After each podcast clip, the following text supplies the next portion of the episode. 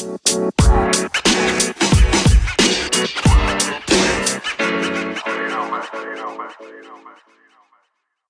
guys, balik lagi sama gue Murdinit di Ngox. Kali ini di episode 6 kali ini, gue akan mencoba ngobrol sama teman lama gue, saudari Ata. Ya, dia pengen dengar cerita dia gimana sih lagi di saat pandemi kayak gini kan. Apakah dia sehat? Atau mungkin ada cerita yang akan dia bagikan bersama gue? Ya udah tanpa basa-basi nih, langsung aja ya. Lalu dengerin aja nih podcast gue. Selamat menyaksikan Ngox episode 6 kali ini guys. Sehat nggak? Puji Tuhan, kabar baik. Oh. Alhamdulillah sehat. Tuh, puji syukurlah Tuhan, kalau kayak gitu ya. Apalagi? Kamu Gimana, gimana? di Jogja, Hah? masih di Jogja. Masih? Sekarang masih di Jogja. Nah, Jogja gimana keadaannya? Gimana apanya nih? Situasi Keadaan di Jogja gimana? Keadaan di Jogja gimana? Di pandemi Yang ini? jelas sekarang pada sepi. Yang jelas sekarang sepi. Jalanan juga sepi. Nggak seramai seperti biasanya. Oh gitu? Ya begitulah. Oh, Iya, tahu ya? sendiri kan Jogja kayak apa. Hah? Ya, yang biasanya tempat kerumunan orang juga nggak bakalan berkerumun juga. Jadi oh. Tapi di Jogja belum PSBB kan ya, Tak? belum sih. Jadi masih Ya bebas, berharapnya sih enggak sih. Hmm, masih bebas berkeliaran gitu, warga-warganya. Eh, kalau untuk berkeliaran sih kayaknya bebas-bebas aja sih modern. Cuman memang ada beberapa di daerah-daerah tertentu itu mereka eh, kayak apa ya yang benar-benar kayak lockdown yang cuma gang-gangnya itu loh ditutup-tutup kayak gitu itu. Terus habis itu ada jam malamnya, lebih ke seperti itu sih. Oh gitu. Tapi kalau misalnya ada yang mau ke mall ya ke mall aja. Oh, mall-mall Gitu. masih rame ya, nggak nggak sepi. Eh, nggak tahu untuk detailnya ya karena Hmm? aku sendiri pun juga nggak berani ke kerumunan yang kayak gitu juga jadi paling cuma ke kantor balik ke kantor balik udah kayak gitu aja nggak Oh, berani gitu? jalan-jalan Oh, nah terus kamu makannya gimana makan? Pesan atau masak? makannya aman sih kita masih eh sebagian ada beberapa yang pesen GoFood masih juga kok GoFood masih bisa kalau dipesan kalau misalnya bosan ya masak paling masak bareng-bareng sama anak kosan Oh gitu. Eh, ngekos di mana sih emangnya? Hmm. Masih di Babarsari? Enggak, aku udah pindah kosan deket sama tempat kerja di daerah Cenung Catur lah. Nggak, nggak di lockdown. Daerah kosan. Kebetulan kosan ini nggak masuk di gang yang sempit ya, jadi masih eh, masih bisa lalu lalang, jadi nggak di lockdown juga sih. Tapi kalau gang-gang sempit yang Hmm. lainnya ya di lockdown. Kebetulan kan gitu. kosan apa ya depan kosan ini kan jalan bisa dibilang kayak jalan tembusan ya, jadi orang eh, lalu lalang banyak. Jadi nggak kayaknya nggak kalau di lockdown nggak mungkin juga. Gitu, gitu. Berarti masih Bisa belum WFH juga, tak? Hmm? Kenapa? Enggak, kalau di hotel nggak bisa, Denit. Gimana? Gimana mau WFH? Oh, eh kamu di hotel bagian apaan emang, tak? Kan nggak, nggak yang di itu kan, maksudnya langsung bagian sama yang berhubungan sama lah. Kayak Office, tamu-tamu. Ah, ah, ah. Enggak sih, aku di office-nya. Aku di office-nya sih, Denit. Tapi memang kadang kadang masuk, kadang libur kayak gitu. Cuman kan juga nggak bisa juga maksudnya eh, dalam satu bulan full aku nggak ke hotel juga. Karena aku juga harus melihat groomingnya anak-anak, nanyain teman-teman juga gimana eh, kondisi, jaga kesehatan juga. Karena kan untuk multivitamin aku yang handle untuk mereka punya multivitamin harus Oh, terpenuhi supaya jangan ada yang sakit. Kalau misalnya ada beberapa yang sudah mulai bersin-bersin kayak gitu, langsung udah aku cecer aja tuh vitamin C gitu. oh, berarti kamu kayak ini ya, penasehat kesehatannya anak-anak di hotel. Ya, ya bisa dibilang seperti itu Iya, juga. oke. Ya di bagian personal ya mau gimana lagi Denit? Hmm. Terus berimbas nggak sih pandemi ini terhadap dunia perhotelan, tak? Eh, banget sih Denit lihat karena banget sih kerasa banget sih Eh, ini kalau aku sendiri kan di dua sisi ya antara sisi karyawan dari sisi perusahaan juga ya Hmm. ya dilematis sih sebenarnya untuk masa pandemi ini karena kalau misalnya aku di sisi karyawan ya aku juga karyawan di situ cuman nggak bisa juga semata-mata seribu persen aku melihat hanya di sisi karyawan aja karena Hmm. biar bagaimanapun kondisi ini juga owner itu pasti juga stres karena mereka juga pemasukan akan berkurang toh Iya. seperti itu. Kalau kerasa sih kerasa banget sih Denit. Tapi masih Kerasa banget. Hotelnya sendiri masih beroperasi. Eh, puji Tuhan, owner nggak boleh kita tutup. Oh. Jadi supaya kita semangatnya tetap full, Hah? semangatnya full dan juga eh, apa namanya kita masih menjaga hati-hati karya eh, hati para karyawan juga. Jadi kita masih tetap buka gitu. Hmm. Kosnya ya tetap Hah? bakalan kosnya ya tetap sama aja sih. Kita nggak bisa eh, pangkas juga gitu loh. Ya Oh. dikit-dikit sih dipangkasnya Oh, ya. bikin Kayak promo-promo gitu. gaji hmm, eh promo selama ini kita lakukan berbagai macam promo jungkir balik lah ibaratnya Oh, yang mencari. biasanya harga Hmm. biasanya harga kamar kami punya itu lebih da- lebih dari satu juta ya sekitar 1,3 itu yang paling murah kamar kami selama satu malam Eh, selama pandemi ini gimana caranya kita bisa harus bisa promo dengan harga kurang lebih sekitar setengahnya. Oh, 500 50% sampai berarti 600 ribu yes ya. Lumayan sih gitu. ya paling sebenarnya. ya. diganti lumayan apa ya kita iya, stres lumayan. juga. Lumayan murah lah kalau setengahnya kan. Ya, Cuman susah mencari ininya, pelanggannya kali ya. ikannya yang nggak ada ya karena kan apa ya kita juga dari luar daerah juga kemungkinan untuk masuk ke Jogja kan juga mereka juga ada ketakutan sendiri ya apalagi kan di info juga kan eh, Jogja apa namanya bisa Daerah dibilang rawan. zona merah juga zona merah. Nah, kayak gitu. Terus kalau misalnya orang Jogja sendiri pun itu tidak akan banyak karena ya kamu tahu sendiri kan UMK-nya Jogja itu berapa sih? Orang mau ke hotel, orang tinggal di hotel ibaratnya mau karantina mandiri itu juga masih mikir-mikir di posisi saat ini gitu. Iyalah, apalagi banyak yang terimbas ya. Nah, terus untuk ini Ya, banyak. karyawan, karyawan ada efeknya nggak sih? Ini kamu juga sebagai karyawan di hotel nih. Pemotongan Oke. gaji gitu ada nggak sih? Kalau untuk kalau untuk karyawan ya, Ah, em, imbasnya cukup besar karena karyawan hotel itu sebenarnya apa sih yang apa sih yang disuka dari orang-orang itu kerja di hotel itu adalah service charge. Service charge itu 10% dari revenue. Nah, itu yang dicari sama karyawan. Dan revenue itu didapat kalau misalnya banyak tamu yang Menginap. in-house atau Hmm. banyak tamu yang menginap. Hmm. Kalau misalnya tamunya itu berkurang, service charge juga akan berkurang, ya. Hmm. Ibarat kata Mm-mm. seperti ini, sebagian besar karyawan hotel itu gajinya nggak jauh-jauh dari UMK Jogja. UMK Jogja saat ini sekitar 1,850. Wow, Ya, kalau kapan kayanya ya?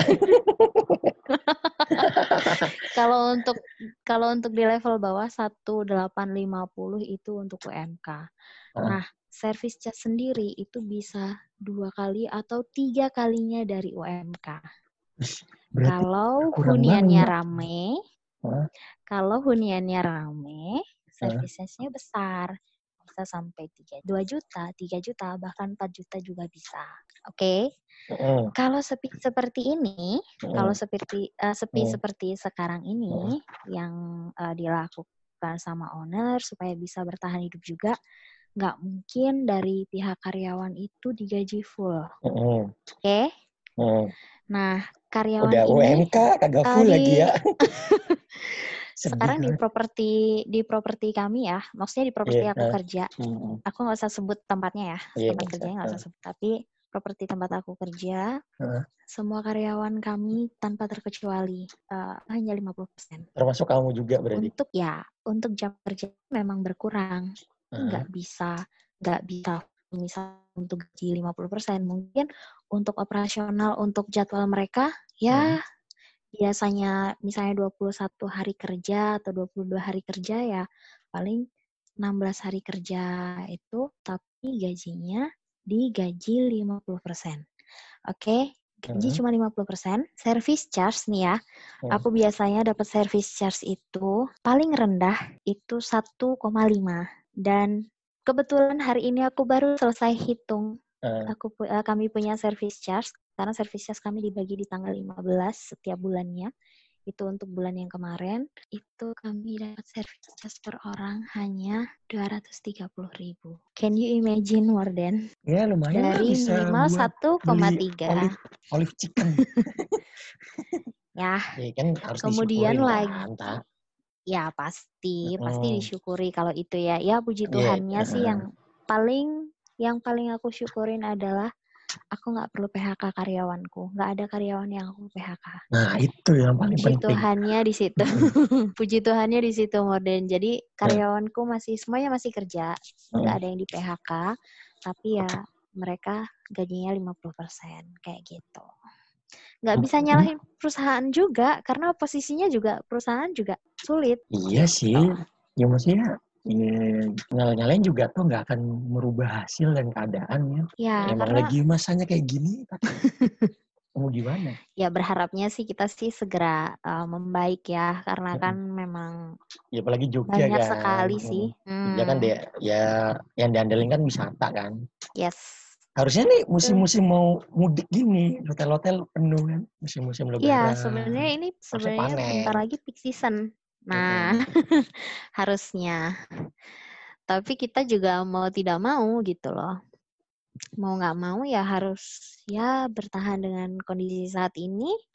Hmm. THR juga kami berharap dan berusaha supaya kita tetap bisa kasih THR ke karyawan. Oh ini berapa belum belum terlihat persennya? nih hilal ya.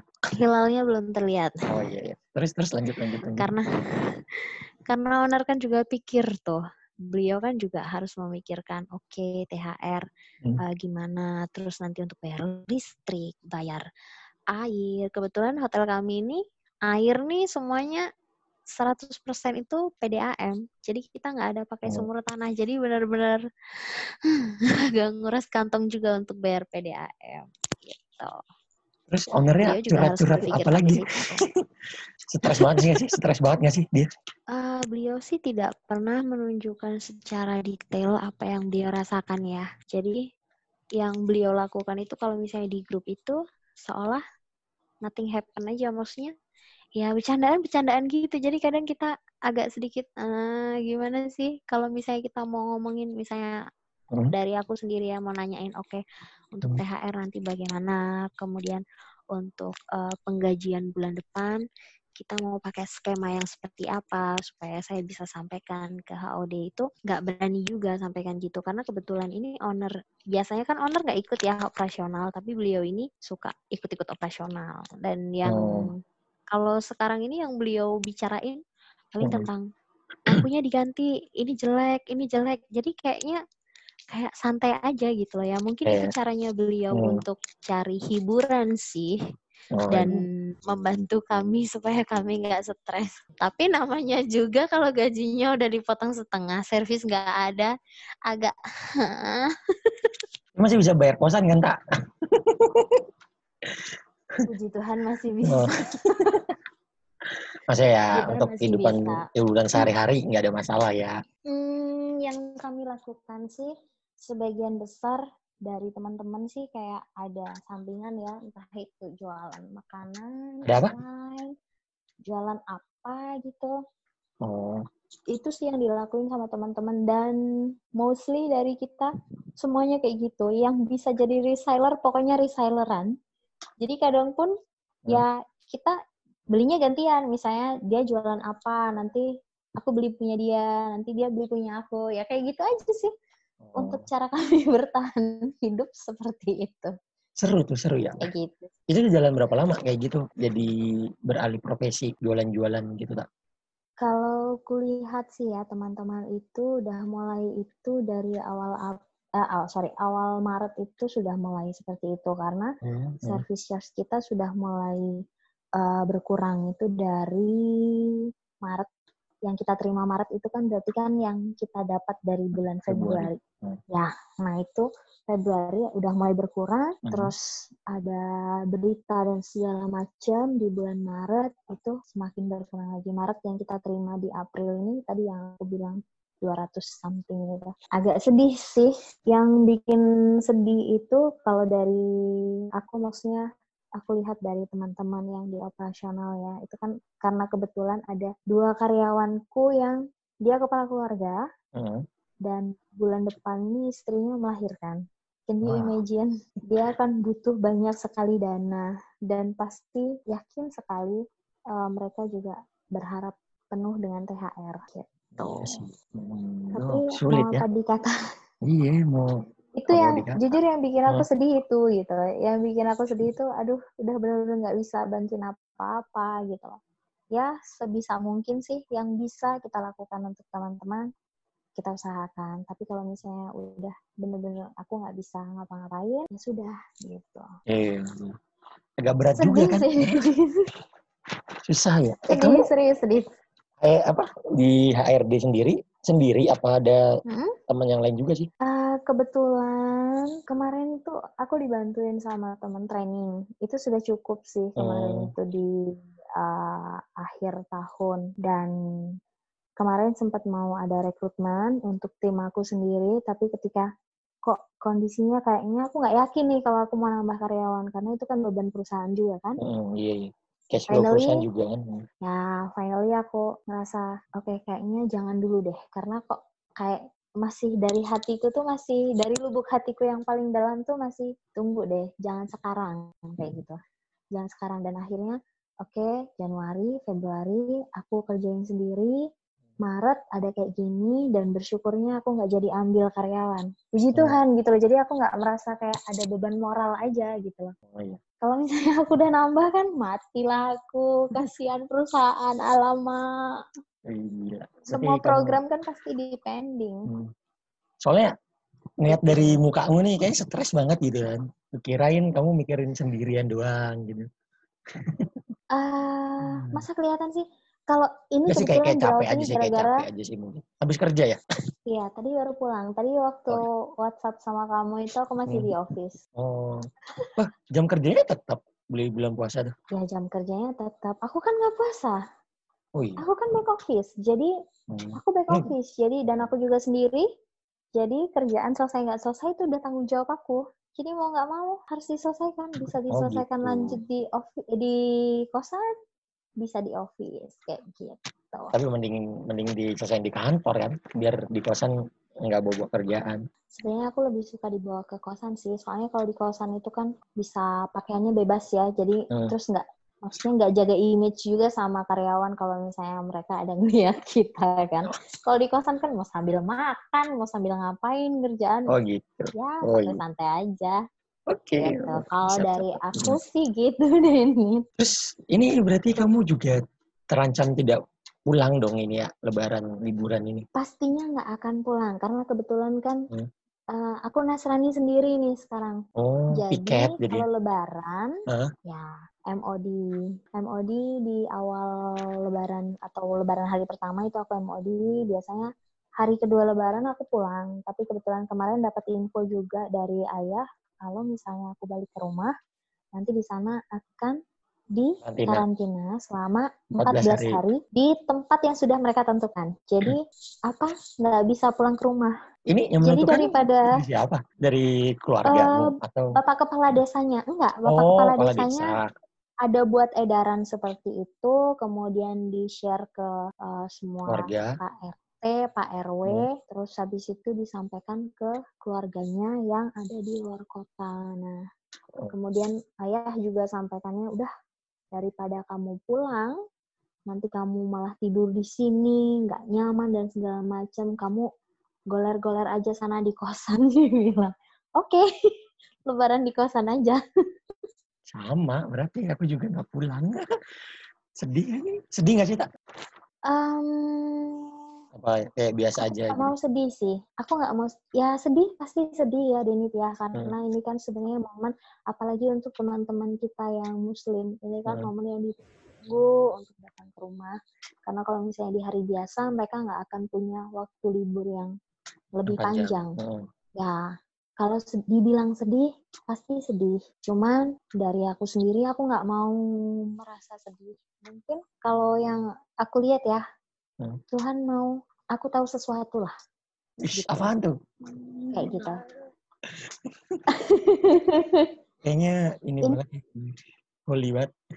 Eh, kalau pemandangan, eh, maksudnya kalau pandangan positif aku ya Denit ya, Mm. Tuhan mau aku bersyukur karena kan kalau teman-teman hotel itu biasanya ketika rame event kayak gitu kan pasti capek kan capek banget nggak ada orang hotelier yang maksudnya uh, apa hotelnya rame dia nggak akan capek itu nggak ada. Jadi mereka repot banget kayak misalnya di bagian housekeeping atau yang bersih bersih kamar itu.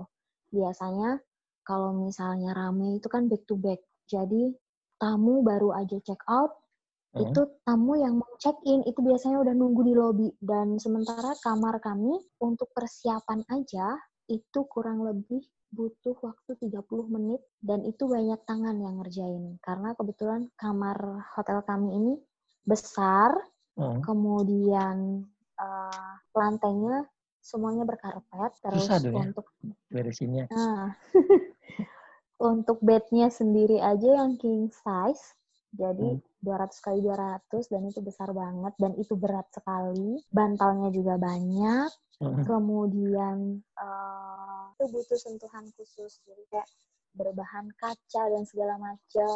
Kita juga ada batapnya. Iya kalau batapnya nggak dipakai itu oke okay lah, nggak perlu di nggak perlu dibersihkan. Tapi kalau bat batapnya dipakai, ya nggak mungkin kalau nggak dipakai agak, sih, ya kan? Pasti nah, pasti. Dan itu kan butuh waktu lama. Dan hmm. itu mereka pasti kan, aduh capek banget bu, capek capek-capek kayak gitu kan. Bahkan front office yang biasanya mereka itu nggak bisa makan siang. Karena hmm. jam makan siang itu kan pas tamu check-in.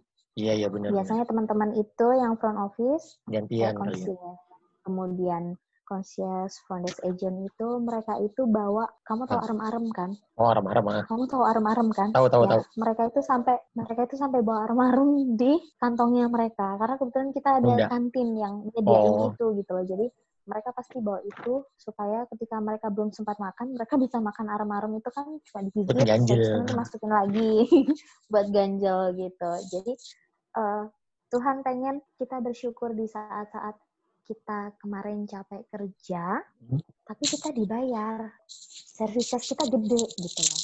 Hmm. Jadi Tuhan pengen kita ini bersyukur. Jadi besok lagi supaya kita nggak boleh mengeluh, kita nggak hmm. boleh berkeluh kesah Gitu. Kalau itu ya hmm. aku ambil positifnya ya, yang aku ambil positifnya di situ. Gitu. Terus lebih menghargai waktu hmm. juga sih kalau menurut aku, terutama ketika kalau sekarang kan kita nggak boleh ya kayak nongkrong kongko bareng teman-teman gitu kan nggak boleh kan hmm. sekarang itu ya kan kayak kehilangan sesuatu ya apalagi kan Nah, anak-anak muda nih kayak kita kayak butuh banget ya. gitu untuk nongkrong ya kan untuk bersosialisasi. Lanjut lanjut tak? Kalau untuk uh, nongkrong ya. Hmm.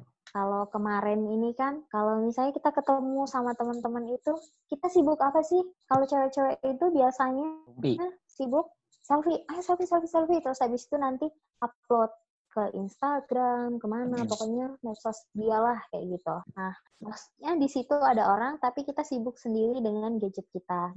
Dan sekarang di masa-masa pandemi ini, Mm-hmm. Mau nggak mau kita cuma bisanya lewat gadget aja bisa berhubungan sama orang, nggak bisa kayak say hello yang langsung ketemu. Cipika cipiki kan biasanya. Nah, sekarang udah nggak bisa lagi. Cipika cipiki online mungkin. virtual, cipika cipiki virtual gitu tak.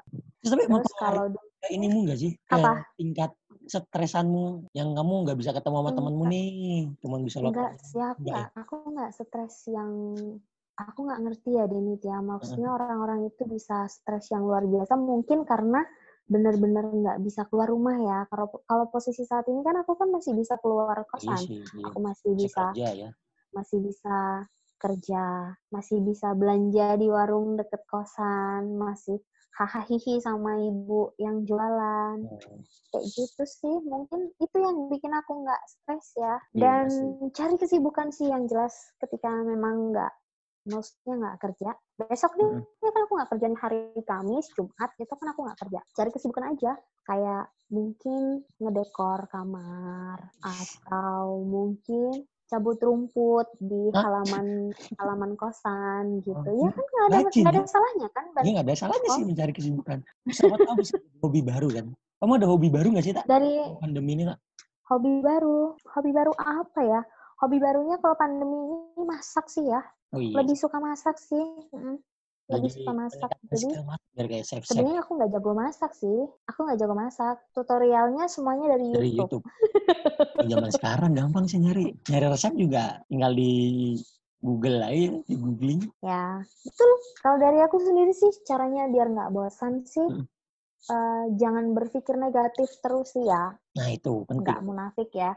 Iya. nggak munafik ya semua orang pasti capek kalau misalnya disuruh cuma di kamar atau di kosan aja atau di rumah aja nggak ngapa-ngapain tapi kan kita bisa cari hal-hal yang bikin kita punya semangat bisa muncul lagi entah itu mau masak-masak entah itu cuma mau joget-joget atau mungkin bersih-bersih TikTok, ya kan? atau nyuci boleh Hmm.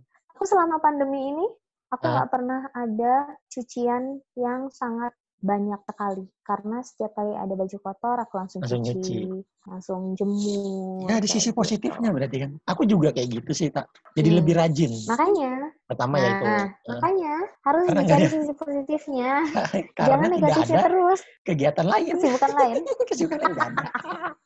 Jadi ini cuma nyuci baju, masak. Karena aku juga Hmm. masak, tiap hari masak. Mm-mm, Kan karena puasa kan agak susah kan kalau mau nyari makanan mm-mm, di pagi betul sama siang lah, di pagi sama siang nggak susah kan. Paling baru buka sore. Ya udah paling itu masak supaya tetap bisa bertahan hidup sama lebih ya apalagi di Jakarta kan ya iya apa apa mahal di Jakarta Iya. Ap- Apalagi juga kan apa kita belum tahu nih kepastiannya kayak gimana kan. Nah, ya, harus hmm, banyak menyimpan duit lah. hmm. Iya. ya berdoa juga iya, sih Denny bener, karena bener, bener. eh, biarpun kita nggak tahu sampai Hmm. kapan ya Hmm. berusaha berusaha saving untuk saving money lebih banyak itu juga wajib dan itu juga eh, ini nih positif juga nih Tuhan mau kita berhemat Tuhan mau kita itu bisa eh, survive di kondisi kayak gini Ya, kalau dari aku sendiri sama. kalau Hah? dari aku sendiri ya eh, Tuhan pasti pelihara kita kok gimana caranya sekali. Bener, bener, bener. Bener tak. Karena Kalau burung pipit aja udah- dipelihara kan, apalagi kita. Kalau kata lagu nah sih gitu. itu lu tahu sendiri kan Iya, iya kata iya. lagu Hmm. itu kata lagu Hmm. Ya, Terus, tapi aku masih bersyukur sih, Denit. Hmm. Aku masih bersyukur di kondisi seperti ini masih banyak juga orang-orang yang kasih kita bantuan, enggak, bukan bantuan kayak sembako gitu, enggak ya. Misalnya, ya kalau aku sih percayanya Tuhan bantuin aku karena kadang ini si Mbak kos depan ini kadang kasih misalnya dia masak apa gitu kan hmm. datang ke kamar Mbak Ata ini aku masak ini biar hanya sekedar kayak tempe goreng atau mungkin buat kolak kayak gitu. Dan aku sendiri pun ketika aku masak gitu ya biarpun kadang aku nggak pede ya sama Hmm. masakan aku aku bagi ke mereka gitu loh. Ya nggak ya mereka kan berdua ya ya nggak banyak sih. Cuma setidaknya ketika aku ada apa aku bagi juga sih. Jadi saling berbagi gitu sih. Jadi aku merasa kayak berkahnya Tuhan itu berlimpah aja jadi aku nggak merasa kayak kekurangan itu sih malam-malam ngejak nggak pernah kan Kenapa? Kenapa malam-malam ngerujak sama Bisa? Malam-malam ngerujak? kosan dipanggil semuanya iya Kagak sakit perut ah? enggak kan Hmm. yang satunya mbaknya kan puasa jadi kalau misalnya Oh. ngerujak siang-siang kan nggak mungkin iya sih. Tapi kan udah puasa, terus tiba-tiba langsung dikasih sama rujak agak kaget sama perutnya ya.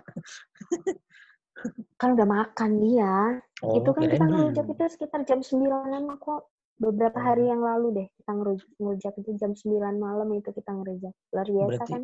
Wih, luar tapi biasa sekali. happy.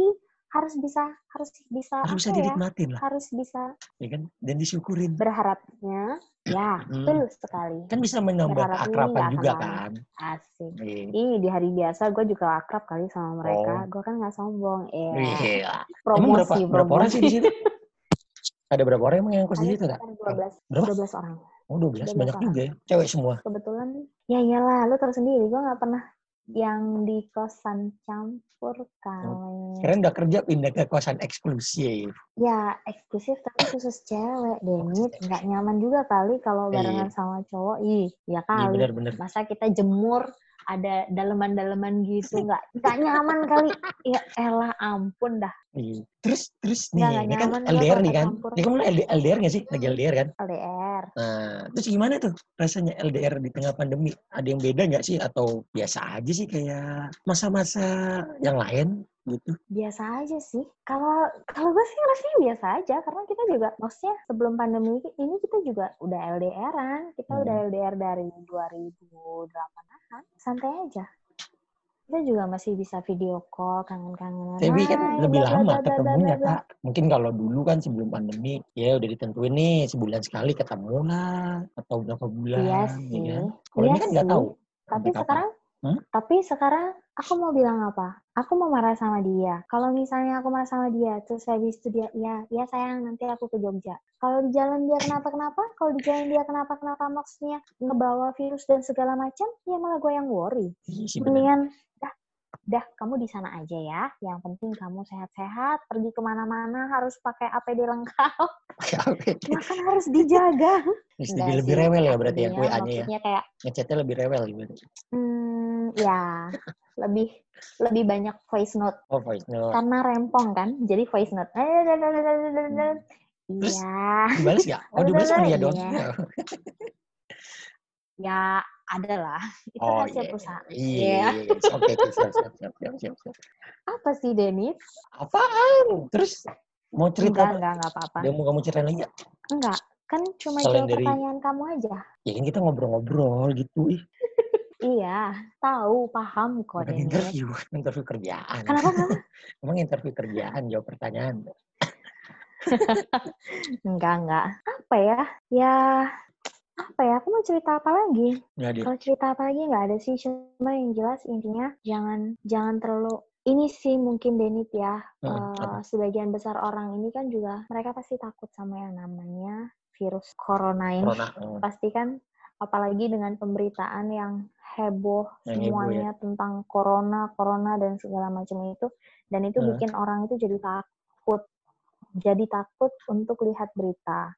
Gak usah jauh-jauh kayak mama sama papahnya mas pacar eh, mama mamahnya mas pacar aja kemarin sempat stres gara-gara dia Mikirin. eh, ke dokter Hmm. terus habis itu malah diceramahin ini sama dokter terus dokternya juga malah kayak semacam kasih bumbu yang itu harus gini gini gini gini nggak boleh gini jadi kayak semacam Dokter jadi kayak gitu. parno juga. jadi parno sendiri Hmm. di si mama si si mama ini jadi parno sendiri terus habis itu setiap setiap jam kita ditelepon sama dia sama beliau. "Ah, udah makan belum? Minum vitamin C buat ini ini ini minuman ini apa segala macam. Kalau keluar langsung cuci tangan pulangnya cuci tangan langsung mandi. Pokoknya kalau bisa guyur di depan jangan di kamar mandi apa segala macam. Guyur biar di nggak masuk. Iya jadi kayak Itu apa ya kagak disemprot. tuh Disemprot disinfektan tiap kalau masuk. Kan lebih bahaya. parnonya itu kebangetan serius Izin. parnonya tuh Hmm. kebangetan dan itu yang sebenarnya orang banyak orang itu yang mereka itu bukan karena corona tapi karena pemberitaan yang mereka telan mentah-mentah gitu loh Nah, dan itu itu, yang pengaruh ke ini, sedikit ke psikis kan. Ya, kan jadi psikologi imunnya orang. turun, katanya gitu sih. imun Iya, sistem jadi imunnya menurunkan sistem imun. Ya karena pengaruh-pengaruh dari itu kan pikiran kan melibatkan stres. Ya. terus, oh, jadi gampang kena penyakit yang lain juga sih kak. terus yang Hmm. apa banyak juga yang parno misalnya kan memang corona itu kan yang diserang itu adalah paru-paru Heeh. jadi ketika dengar jadi ketika dengar uh, berita kayak gitu mereka tiba-tiba wah kok rasanya sesek ya terus habis itu nanti parno "Duh, ini gara-gara corona ini Nah itu tuh banyak tuh teman-temanku juga kayak gitu sih. itu banyak banget yang seperti itu Disangkanya corona. itu yang nah itu yang jangan sampai kita ya bukan bukannya kita meremehkan atau Mm-mm. menganggap enteng itu penyakit enggak. Sama sekali enggak. Sama sekali enggak menggampangkan atau ngentengin tuh enggak. Cuma harus bisa di apa harus bisa dicermati juga gitu loh. Enggak serta merta misalnya ada orang bersin terus langsung ditendang. Karena ada juga yang kayak gitu Sekarang kayak tuh contoh di kentut lebih lebih mendingan daripada bersin kak. Kalau di tempat umum. Betul. Kayak kemarin itu kita lagi kita lagi duduk-duduk ya, lagi duduk-duduk duduk-duduk di smoking area kan. Hmm. Ada yang bersin aja langsung kabur semuanya.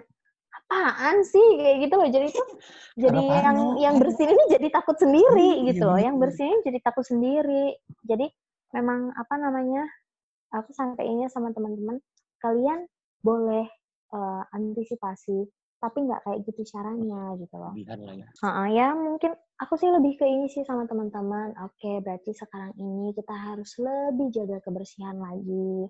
Kalau mau makan, kita harus cuci tangan. Habis berkendaraan kita cuci tangan, cuci muka, seperti itu. Karena memang kebiasaanku ketika karena aku Hmm. naik motor ya dari kosan ke kantor, kebiasaanku memang nggak suka pakai masker. Sebenarnya aku nggak suka pakai masker, nggak suka juga pakai sarung tangan. Ini gara-gara efek masker nih Jerawat. di sini kan. Dan itu kan setiap hari kalau di office kan harus dipakai. Nah, itu aku banyak bandelnya sih. Cuman mau gimana ya kalau mau bandel lama-lama karena memang dari atasan kan juga harus Hmm. dipakai. Apalagi ya kamu tahu sendiri kan HRD itu contoh, Bro. Yoi. Jadi mau nggak mau kayak saklek gitu loh. Harus pakai masker. Ibu sendiri nggak pakai masker, ibu nyuruh saya pakai masker kan kayak Kayak apa ya? stupid aja gitu loh. Bener, bener. Nyuruh mau tapi kagak mau. nyontoh kan. Nah, di kantormu itu. juga Jadi mau nggak mau. gitu sih? Diatur jarak. Iyalah, Hmm.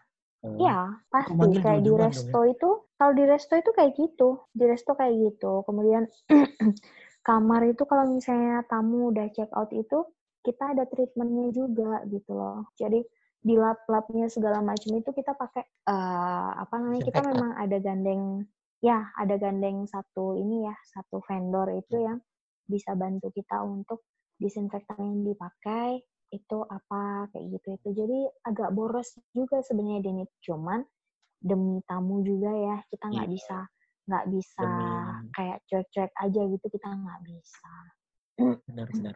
gitu sih Eh, kenapa nggak ini aja? Tem- Hotelmu jadiin tempat apa nginepnya tenaga-tenaga medis gitu. Nggak, nggak Em, buka kayak gitu atau? Enggak kami enggak. Karena kalau yang seperti itu resikonya akan lebih besar deh. Kalau Gila, tenaga medis ya. bukannya bukannya kita mau tutup mata ya sama tenaga medis ya kita sangat-sangat berterima kasih sama mereka. Sangat-sangat berterima kasih sekali gitu. Tapi kalau untuk saat ini kita masih belum bisa memfasilitasi itu. Karena ada beberapa hal yang perlu dipertimbangkan juga gitu loh lebih ke itu sih jadi yang menginap di tempat kami ini adalah mereka-mereka pulang kampung, karantina mandiri. tapi ya karantina mandiri gitu. Jadi dapat ini dong, ada voucher Apa? spesial mungkin. Kalau yang nginep di Voucher enggak sih, Oh, enggak ya. voucher enggak sih, Keren ada promo, cuma promo khusus. iya promonya itu harganya amazing. Iya. Soalnya di Jakarta kayak gitu banyak kan. Kalau nggak banting Apa harga, promo? iya promo sih. Ya soalnya Iya promonya kita survive harga kan, gitu. survive gitu. Biar tetap Iya, bertahan. sama sih. Sama, kita juga kayak gitu ya. Yes, 50 persennya lah. Bener aja. 50 persen. Semua orang pada shock kamu mandang kita punya hotel. Uh, nggak pernah diskon. Kita punya hotel nggak pernah diskon. Terus habis itu waktu kemarin sempat masuk di TikTok kan punya hotel itu. Jadi gila harganya cuma 490 sekian dibilang kayak gitu. Kamarnya udah ya kalau aku bilang perfect lah. Hmm. Kalau aku bilang perfect lah, Hmm. ditambah lagi semua kamar punya ada bathtubnya. Jadi mereka ini karena karena pandemi positifnya ya buat mereka-mereka ini mereka bisa mencoba kamar bintang 5 harga Bintang tiga. bukan kaki lima juga Oh. bintang tiga lah harga bintang Harga- tiga iya. gitu Harga Red Doors ya. ya ampun eh lu sebut merek ya Nggak apa-apa kan boleh. bebas. tuh nggak apa-apa. wah janganlah Iya. Ya, tapi memang Hah? ada yang down, Gimana? ya Iya. kita downgrade sih ya. Kita Hah? downgrade sih dengan harga segitu sarapannya nggak semewah seperti biasa. Apa? Telur ceplok doang sarapannya. Yang nggak gitu juga, lebih sederhana, Keren lebih sederhana, nasi lebih simpel. telur gitu. Kayak di abang-abang burjo. Tiga kali lu gila aja. Itu namanya menurunkan standar. Oke, standar Duh, hotel. Tadi kan downgrade sama aja dong. Maksud gua, Iya. maksud gue misalnya kayak update harganya harganya murah gitu slipernya diganti gitu slipernya yang biasanya slipernya kita pakai mahal itu yang di bawahnya kemudian yang itu Iya, iya, kita. Hmm. lebih ke itu jadi harganya bisa turun tapi tenaga kerja ya tetap dibayar. Dan masih tetap pusing gak sih, tetap Tak? dibayar. Kamu tak, walaupun Pusing tetap ada, dalam- walaupun tetap ada tamu nih, terus harga udah diturunin, masih pusing gak sih ngatur ya? masih. Itu untuk nutupin, maksudnya untuk nutupin kekurangan yang lain nih, ya kan? Apalagi pasti bengkaknya di biaya pegawai ya, sama di pengeluaran yang tadi kamu bilang, apa, vendor untuk ngebersihin itu kan? Yang jelas iya sih ya ya pusing sih ya Denit ya. Maksudnya gini, listrik kita juga habisnya sama, air kita habisnya sama. Untuk beli bahan-bahan makanan dan segala macam itu kan kita juga harus beli ke supplier kan? Hmm. Itu juga sama. Untuk laundry kita juga pakai supplier, eh, kita juga harus bayar supplier, ya kan laundry. Terus untuk BPJS Kesehatan Ketenaga Kerjaan itu belum ada kebijakan khusus untuk pembayaran selama COVID ini. Kalau untuk Malah naik lagi eh, katanya apa iurannya. namanya? Yang mana? 100% BPJS Kesehatan. Iya, Kan kan? udah nggak jadi lagi. Eh, barusan naik tau hari ini. Nanti cek berita deh. Naik lagi, dinaikin. Ah, duh pusing. Ya sementara ini belum ada ini sih, belum Belum ada ada, info ya. belum ada, eh, belum ada Hmm. info untuk in detailnya. Karena kemarin kan sempat dikor-korin tuh di berita kan dari Hmm. pusat. Terus aku coba cek nih, aku coba cek dari daerah sendiri belum ada surat edaran yang yang mereka terima dari pusat. Jadi tetap semula seperti se- sama gitu loh, sama kayak biasanya manfaat ataupun yang premi yang harus dibayar itu masih sama gitu.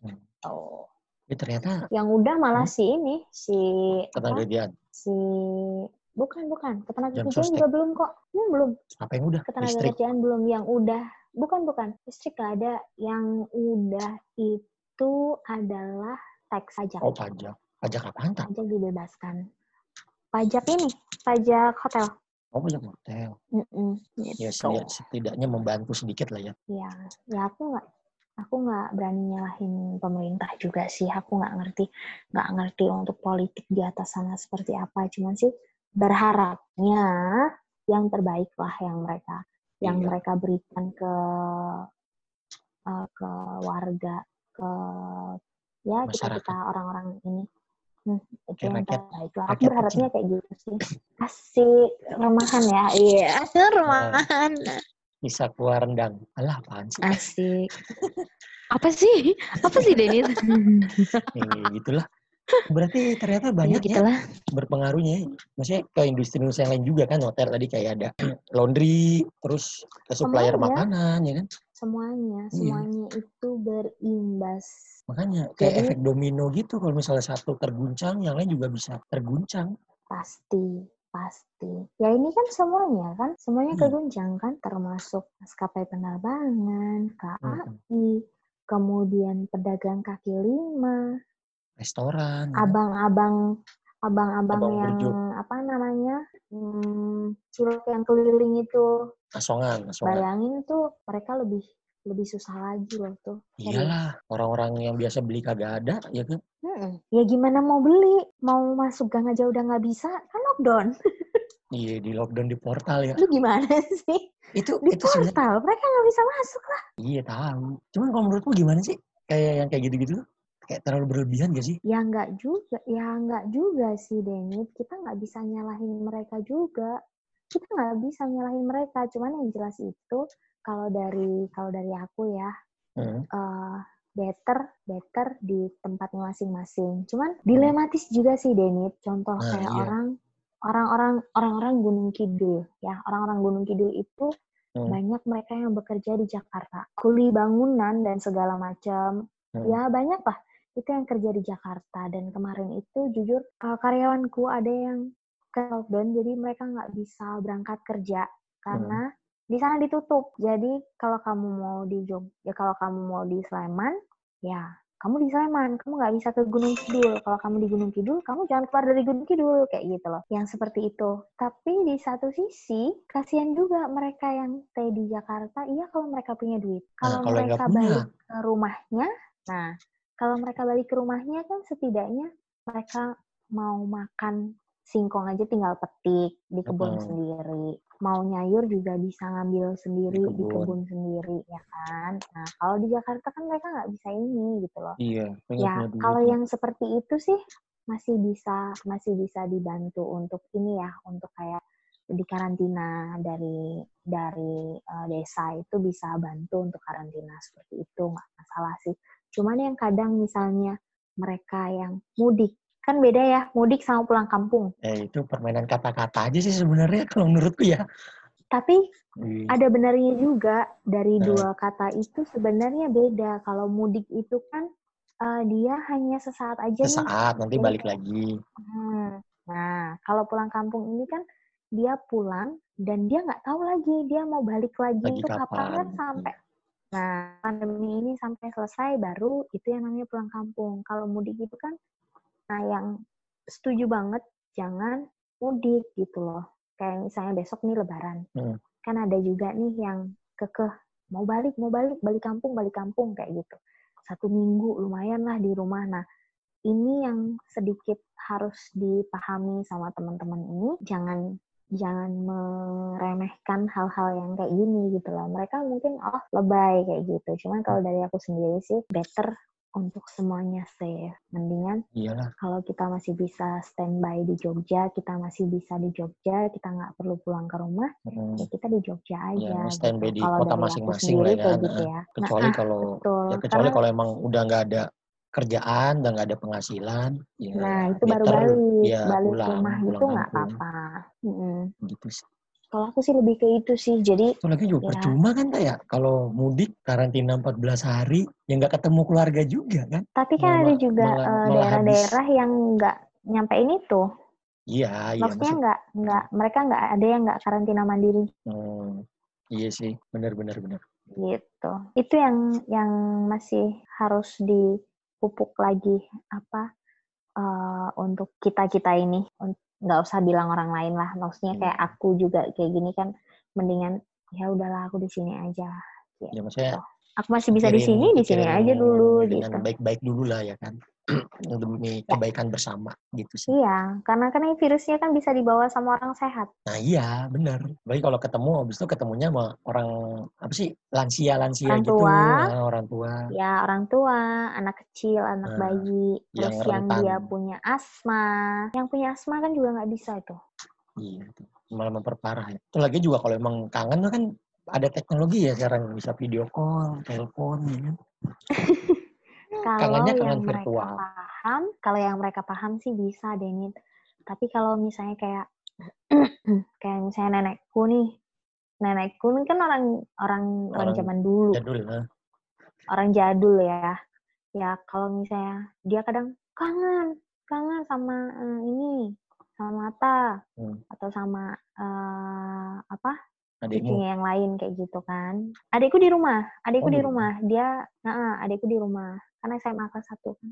Oh, Dia di rumah, diliburin. Terus kangen sama ini, eh anaknya tanteku. Hmm. Itu ayah vi- video call kan. Terus ini loh gitu kan. nggak bisa pulang, Uti. Soalnya begini, begini, begini gitu.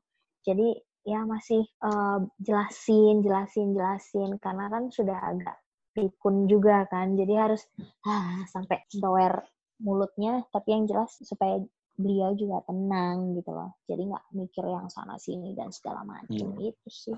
Iya. Eh, ya udah nih. Eh, sebelum selesai mau ngasih pesan-pesan nggak? Kali ada apa gitu? Mau ngasih sesuatu tak? Atau Eh, pesan ya, hmm, penguatan? Eh, iya, penguatan. Kayak apa penguatan asik. Oke, boleh, boleh, boleh, boleh. Kalau pesan dari aku sih yang jelas Lanjut. Kalau dari kamu? pesannya kalau dari aku yang jelas adalah yang pertama tetap semangat, jangan patah semangat, jangan eh, merasa sangat kecil kemudian kita jadi eh, apa nggak bergairah untuk menikmati hari-hari kita itu yang Hmm. pertama jaga kesehatan juga yang kedua jangan terlalu ambil pusing atau parno sama berita-berita yang beredar bukannya meremehkan atau menggampangkan atau pansi lebay bukannya Hmm. seperti itu tapi harus bisa berpikir jernih dan benar-benar eh, jangan sampai kita ini malah stres karena pikiran negatif. Kemudian yang ketiga, Hmm. cari hal positif di balik situasi ini supaya kita tetap bersemangat Mantap. untuk menjalani Kehidupan. kita. Hidup kita ini, hidup kita ini sudah ada yang atur. Yoi, Kalau Tuhan mau kita mati, nggak perlu sama virus corona. Orang tidur terus mati aja juga ada. Bisa Super yang seperti itu. Jadi Iya kalau misalnya memang Tuhan mau, Tuhan tidak mau pelihara kita lagi ya, Hmm. ya sudah gitu loh. Tapi selama ini kalau Tuhan masih, kalau kita punya semangat dan Tuhan mau pelihara kita, kita pasti tetap sehat. Gitu. Yoi. Itu aja sih Dani. Kita harus berserah pada Tuhan berarti ya. Ya, Iya. Karena dia sama jangan lupa cari positifnya. Iya benar. Cari positif apa di balik ini semua yang Tuhan mau kita tahu, yang Tuhan mau kita itu notice gitu loh. Jadi jangan semata-mata hanya negatifnya aja yang kita lihat. Itu sih kalau dari aku asik. Oke. aja sih mau berbagi aja sih buat yaudah. kamu dan buat siapa pun. Ya udah, terima kasih ya, Tak. Ini atas waktunya nih. Iya, Mungkin asik. Ya sama-sama. udah mau diganggu. Makasih ya. Kita lanjut nanti kalau misalnya ada topik-topik yang lain gitu. Kita obrolin nanti. Boleh. Boleh. Nanti berkabar aja sih Denit kalau Oke, misalnya memang siap. Eke bisa Eke bisa Hmm. cici cuit lagi, mana tahu Cuit. ya, berkabar aja. Ya udah. Oke, udah. Ini kan salah satu salah satu ini nih, salah satu Apa? kegiatan positif nih. Iya, ini kegiatan baru nih. Nyari kegiatan baru. Lu tetap produktif kan? Iya, tetap benar. produktif kan tapi Produktif. kan. Nah, Iya, tetap produktif. gitu. Ya udah. Oke, Oke. makasih ya. Terima kasih. Kamu ya, juga. Tak. Yuk, jaga kesehatan dan ya selamat ya. menjalani aktivitas selanjutnya. Yuk, dadah. Yuk, bye. Hai guys, terima kasih udah dengerin Ngox episode kali ini. Itu tadi obrolan gue sama Ata, ya kan? Gimana udah denger cerita dia kan? Dan ya ada satu pesan penting dari dia, yaitu kita harus tetap selalu bersyukur dan selalu berpikiran positif dan jalani apa yang ada dengan semangat. Ya udahlah, sampai jumpa di episode selanjutnya ya guys ya. Terima kasih udah menyaksikan nih, udah mendengarkan. Bye bye, sampai jumpa.